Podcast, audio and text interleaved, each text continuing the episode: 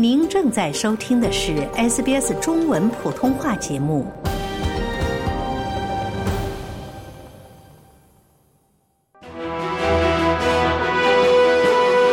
The AUKUS agreement. Israel batters Gaza in We are equal. 热点新闻、公众话题拨打热线分享见解，，SBS 时事热线栏目。每周三早上八点半到九点播出。听众朋友您好，非常欢迎您参与二零二四年第一个周三的热线节目，我是刘俊杰。我是陈云。那么今天的节目呢，由正在行动的热线名字更名为时事热线哈。嗯，我们知道，二零二三年刚刚过去啊，陈云，我们看到战争与和平、联邦储备银行利率调整、生活成本压力、澳中关系、中美关系、气候变化等等呢，是过去一年的关键词。嗯，那在进入新的一年，这些关键词是否仍然会继续主导我们的生活？你有哪些期望呢？非常欢迎听众朋友们参与我们时事热线节目，拨打热线电话一三零零七九九三二三一三零零七九九三二三，分享您对二零二四年的展望。嗯，那对于二零二四年的展望，俊杰在这个很多新闻评论的渠道或者很多这个学者的渠道来说，呃，他们对二零二四年的世界大形势会有什么样的看法呢？嗯，主要我们也看看，先看国内嘛，因为国内离我们最近哈。作为普通老百姓来说，我们生活的压力啊，还的房贷多少啊，这是最切身能体会到的。对，前几天我碰到了两个朋友，他们竟然跟我说：“你给我预测一下吧，今年的房 这个利率会不会降？会不会降？”用期待的眼神看着我。好，今天我 们请听众朋友们来预测一下哈，就是说，首先不就提到一个经常新闻中有些报的数字哈，那就是说通货膨胀是否会降至联邦储备银行的目标，就是百分之二到百分之三的目标区间呢？嗯，那通胀水平从二零二二年底的大约百分之八的峰值，已经是降到了二零二三年底的百分之五了。但是，即使是基于澳洲联储的预测，通货膨胀呢，也只会在二零二五年底勉强降到百分之三以下。有分析认为呢，储行的这预测呢还是偏乐观了呢，因为呢，劳动密集型产业中的服务通货膨胀呢正在显示出其顽固性，价格降不下来。嗯，那通胀这个呢，对于我们来说，好像是一个比较大的概念哈。对于我们来说，就是要落到是否会降息。有市场专业人士预测呢，到二零二四年末呢，现金利率将达到百分之三点八五，这意味着呢，现金利率将下调，从目前的基础上啊，下调五十个基点。嗯，不过呢，新任的储备银行行长米歇尔·布洛克曾经警告公众，对抗通胀的过程将是漫长而艰难的，所以还是要多存点钱。对对对、嗯，同时是房租压力哈。今天的新闻中有提到。其实对于租房者来说，过去一年是非常艰难的一年，房租大涨哈，全国空置率也创下了历史新低，这个空置率哈仅略高于百分之一，几乎所有首府城市的这个空置率是远低于百分之三的，意味着在租房市场要租到房子是比较难的。确实，而且令人比较呃担忧的是说，一些就是工人啊，或者是说，比如说售货员啊，就是这些工作的人，对，必要工作者、护士啊，都租不起房子了。嗯嗯，在其工作的区域附近租不起房子。今天新闻有提到，新数据显示呢，不断上涨的房地产市场呢，继续对澳大利亚各地的租金价格产生连带影响。预计呢。房租可负担性将成为持续存在的问题。嗯，那我们从这个数据来看呢，CoLogy 的数据显示，去年全国的租金是上涨了百分之八点三，这比前两年还有所下降，但是呢，仍然是远高于新冠疫情前十年百分之二的平均水平。新闻提到呢，CoLogy 的研究总监劳莱斯他说呢，出租房屋供应量和空置率的根本问题呢，没有得到解决哈。同时，嗯、电价就能源价格。电价会在二零二四年停止上涨吗？来，先 期待一下吧。怎么都是关键词，都是停止上涨或者下降，都是和生活成本压力有关的哈。对对对，那批发电力的价格现在已经是大幅下跌了，和二零二二年中期全国电力市场动荡期间相比呢，已经下降了三分之二以上，比一年前呢是下降了大约百分之四十，平均每兆瓦时仅略低于六十澳元。嗯。这相当于每兆瓦时六澳分哈。嗯，批发价格在零售价格中的占比最大，约为百分之三十至百分之四十之间。有专家分析认为呢，批发价格的下跌，哈，说电价批发价格的下跌可能只在一定程度上传导到零售价格。如果有的话呢，他们可能会下降一点点，但不会像上涨那样快。嗯，也有一定的一些上升趋势。零售行业的竞争呢，不像以前那么激烈。呃，有关这个能就是电力的基础设施，比方说电线杆和电线公司的巨额支出呢，将会计入账单。资本成本呢也上升了，这会影响电价的这个回落哈。嗯，其实电价这个问题，从我大概十多年前移民到澳洲来，去到塔斯马尼亚的时候，当时已经在说这个电价的问题，还有电线杆啊，这个呃多少的这个问题了。到现在呢，还一直在讨论。可见呢，要升起来是容易，但是要降下去真的是很难。嗯，作为普通老百姓哈。我们用社交媒体也比较多，在澳大利亚呢，我们看到每月有八百五十万民众呢使用短视频 TikTok 哈，这种受欢迎程度意味着呢，这款视频应用呢已经颠覆了从音乐、电视到新闻的娱乐产业。但是呢，据媒体报道，TikTok 由中国控制的企业拥有这一事实，也让政界人士和监管机构是感到不安。所以，联邦反对党曾经极力要求在澳大利亚禁用这个应用。澳大利亚和美国高风险的选举将意味着更多的审查。嗯，那么澳洲政府是否会禁用，会对 TikTok 发出禁令，也是可能在二零二四年关注的一个话题的焦点哈。稍后如果有时间，我们来。更和您更多的来分享一下有关国际方面可能会发生的一些事件和以及一些事件的延续。嗯，那听众朋友也不要光听着入迷或者 沉思其中哈，请拿起电话拨通我们的一三零零七九九三二三来分享你的观点。嗯，尤其是您对二零二四年有哪些展望？非常欢迎您参与今天的时事热线节目，热线电话一三零零七九九三二三一三零零七九九三二三。在接听听众电话之前，还是温馨提醒您哈，本节目不预设立场，我们非常欢迎您在尊重他人前提下呢，表达自己的不同观点，不对他人观点进行评论。接下来我们来接听听众电话，这位是陈先生，陈先生您好。哎，是我吗？哎，是您，陈先生，新年好。呃，新年好，新年好，新新年伊始，这个万象更新啊！首先祝贺我们 SBS 民族广播电台。华语节目的所有的主持人，新年快乐，身体健康，工作顺利，家庭幸福，吉祥如意。哎，非常感谢您，我代表我们的节目组呢，向您和您的家人祝福新年快乐。谢谢谢谢。我们言归正传，我们在新的一年里，这个人类世界会不会万象更新呢？我们看一下啊，科幻难题已经逐渐消停，俄乌战争还在进行，那么它取决于美国。和俄国这两个大国的政治态度，能不能在二零二四年停战、和谈、回归平静，完全取决于主导国美国、俄罗斯都是被动式。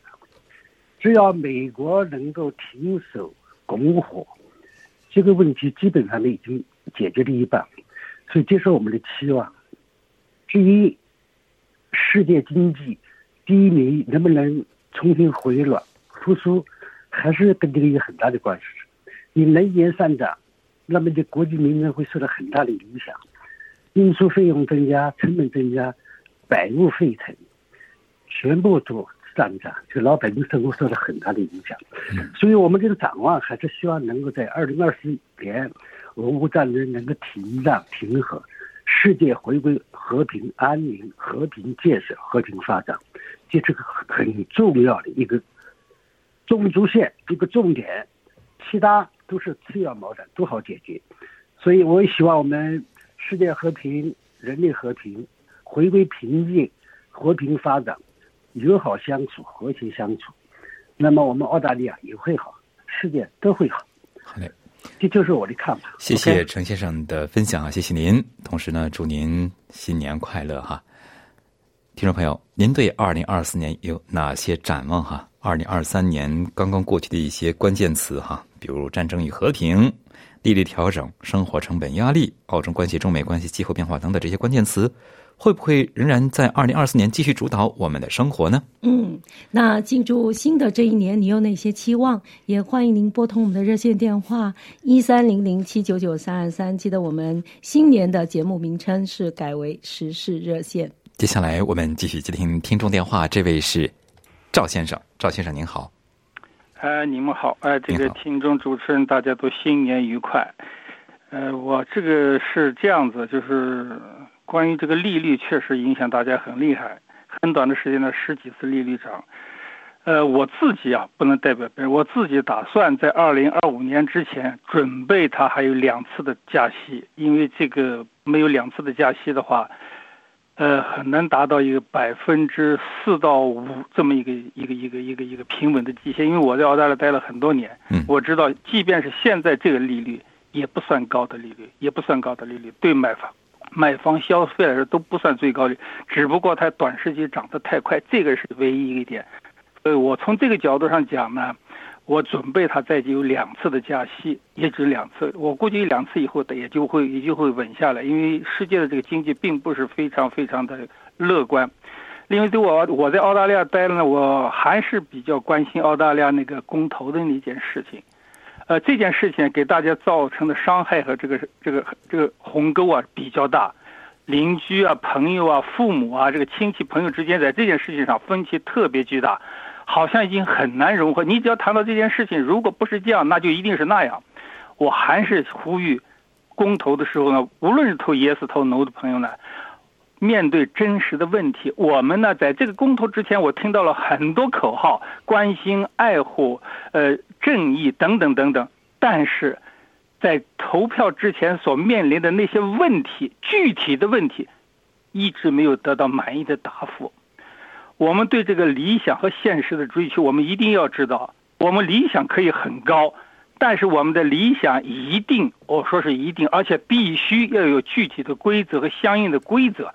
如果没有这一点相应的话，那么这个理想也就只能是个理想。说的不好一点呢，就非常容易成为一种乌托邦的东西。所以一定要有具体的规则。我希望投 yes 的人呢，那那些领导不要在现在现在还像投票以前那个样子。你们不用担心了，你们可以把大大白话、大实话、诚实的告诉我们，面对那些具体的问题，这样子呢才可以弥补在这件事情上，在澳大利亚人引起的一些一些一些不必要的这个这个争吵。另外呢，这个国际上面的事情呢，就说的不想多说了，还是我前面那个观点。我们可以有美好的理想，可以有美好的愿望，可以有希望。哎呀，世界和平。但是这些花花花花花的这个词的后面，一定要有具体的规则。那就是我们现在必须在没有改变国际规则之前，我们一定要基于国际规则下面的世界和平、世界的这个世这个贸易、世界包括这世界卫生组织。新冠病毒，新冠一。新冠应该叫 COVID-19，已经一九年的事，到现在我们还没有得到具体的情况。这件事情呢，我还是提醒澳大利亚政府，一定要进行彻底的追查。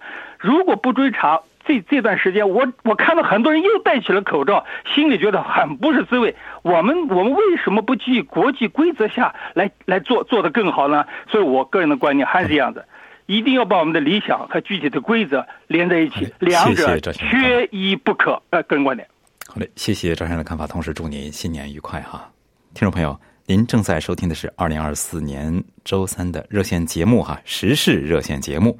我们热线电话依然是一三零零七九九三二三一三零零七九九三二三。嗯，那我们的话题呢，就是二零二三年刚刚过去，战争与和平、联邦储备银行利率调整、生活成本压力、澳中关系、中美关系、气候变化等等，都是二零二三年的关键词。进入新的一年，这些关键词是否仍然会主导我们的生活？你有哪些期望呢？非常欢迎您拨打热线电话一三零零七九九三二三参与节目，分享您对新年的展望哈。接下来继续接听听众电话，这是另一位陈先生。陈先生您好，是我吗？是您，您请讲。哦，主持人好，呃，节目听众大家朋友好啊。哎，您好，新年快乐。有几有段时间没有参加了，这样，呃，这个话题你们的节目改了，原来正正在行动改正实施讨论，这个也比较好的，我认为。实际上，我们以前讨论的节目主题都是涉及到事实、事实政治，对吧？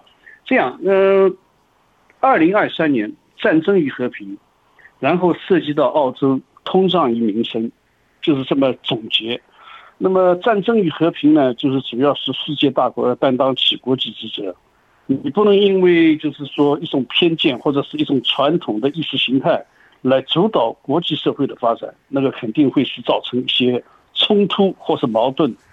那么展望就是回顾零零二零二三年，那么战争与和平的主题应该比较显然的。俄罗斯跟乌克兰在打仗，以色列和中东又爆爆发冲突，然后呢，北韩呢又和南韩又是经常军事就是对抗性的军事演习。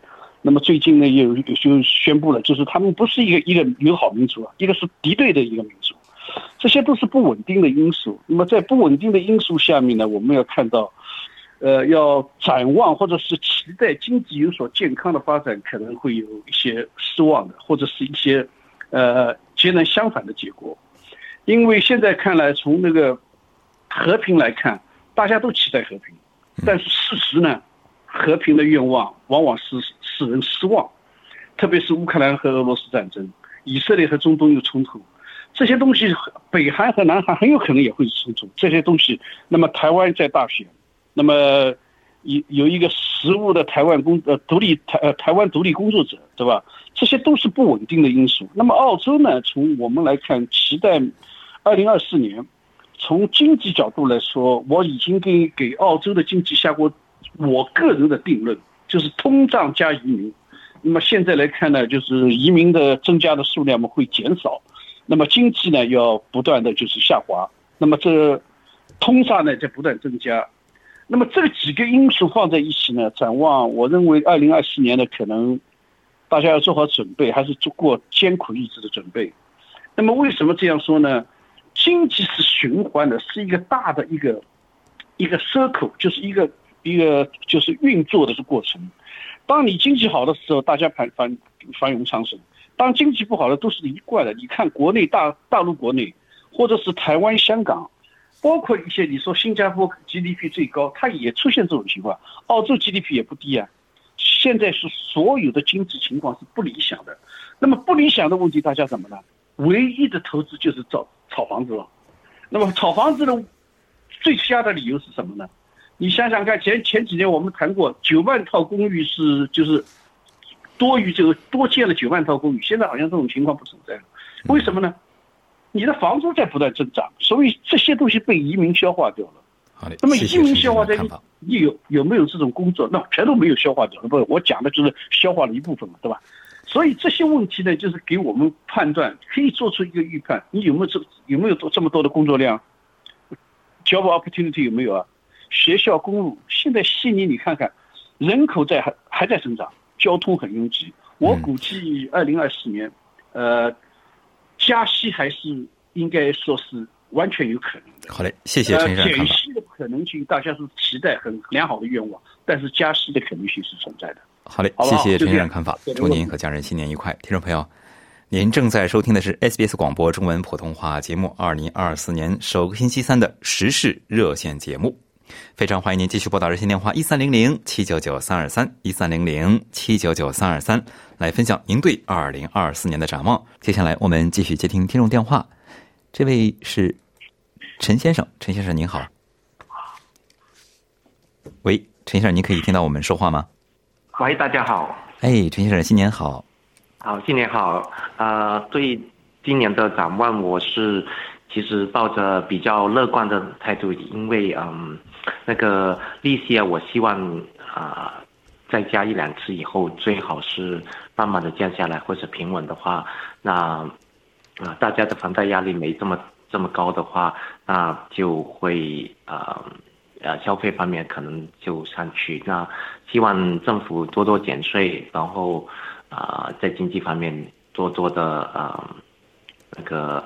啊，不要再啊涨这么多的利息了。然后还有全球的那个环境，我最近听到新闻就是啊，AI 已经应用在啊打仗上面，还是应用已经应用在啊武器的上面。所以对这个我是觉得人类可能二零二四年啊，我觉得是正真实的进入了 AI 慢慢的开始控制人类。或者代替人类，还有啊啊未来的可能可能会有一些啊 AI 的灾难在里面。我是抱着比较悲观的态度。那啊，希望啊所有的啊政府啊开始意识到这个问题的严重性，还有啊呃澳洲本地方面就啊 TikTok 啊啊 WeChat 啊或者是啊微信啊这些来自中国官方的那种渗透，那大家就最好多多的意识到啊这这呃这方面的危险了。那我说就这么多了。非常谢谢陈先生分享您对二零二四年的展望哈，同时祝您和家人新年愉快。听众朋友，您正在收听的是 SBS 普通话每周三为您带来的时事热线节目。那么热线电话依然是一三零零七九九三二三一三零零七九九三二三，非常欢迎您拨打来分享您对二零二四年的展望。接下来呢，留一点时间哈，陈云和我呢和您关注几个大家可能也比较关注的国际方面的事件展望哈。嗯，首先呢，就是中东的灾难。以哈冲突呢是始于十月七号，呃，当时呢是在国际成为是各个头条，因为哈马斯杀害了一千两百人，绑架了两百四十名人质，震惊了世界。那么之后，以色列的反应也占据了新闻推送的主要位置。这个暴力是否会继续下去呢？嗯。加沙目前已经沦为一片废墟。有人人分析人士认为呢，虽然以色列希望确保哈马斯无法重建，但哈马斯的军事能力呢，迄今尚未受到严重影响。他们可能仍将是巴勒斯坦抵抗运动的关键角色。同时，俄乌战争。对的，有分析人士是预测，俄罗斯总统普京很可能连任，补充军力，然后再尝试新的战场推进，为二零二五年的所谓和平谈判赢得更好的筹码。而美国总统大选的结果也将影响俄乌局势。嗯，我们看到美国总统大选，特朗普是否会赢得美国总统选举，也是一个关注的话题啊。如果他赢得美国大选，将追平美国一位前总统的记录。历史上，格罗弗·克利夫兰呢，于一八九二年成为。唯一一位两度当选且任期不连续的美国总统。嗯，因为特朗普面临着九十一项可能导致定罪的刑事指控，这可能会导致他的党在七月的大会上拒绝提名他。同国同时呢，中国的经济增长是否会超过官方预期的百分之四，也是外界普遍所关注的哈。嗯，尽管存在有关中国房地产危机、地方政府债务、失业率上升和出口下降的担忧，但是经济学家们预计，二零二四年世界第二大经济体的中国的增长率将在百分之四到五之间。嗯，那么听众朋友，同时我们看看中美关系哈，在新年伊始呢，我们看到中美两国领导人呢互相致电，祝贺两国建交四十五周年。嗯，那此前呢，两国关系是一度高度紧张，但是现在习近平表示，中美建交是双边和国际关系史上的一件大事。那这次峰会呢，是为两国关系指明了方向，提出了面向未来的愿景。同时，台海局势也我们看到哈，台湾选举呢即将举行哈，在台湾大选前的新年前夜哈，就是去年底哈，北京再度喊话呢，祖国统一和民族复兴，而台北方面的回应不能以。主权换取沟通，那么就是我们简要的和您，呃，分享的一些有关二零二四年展望话题的一些分享哈。嗯，非常欢迎听众朋友们参与今天的热线节目讨论。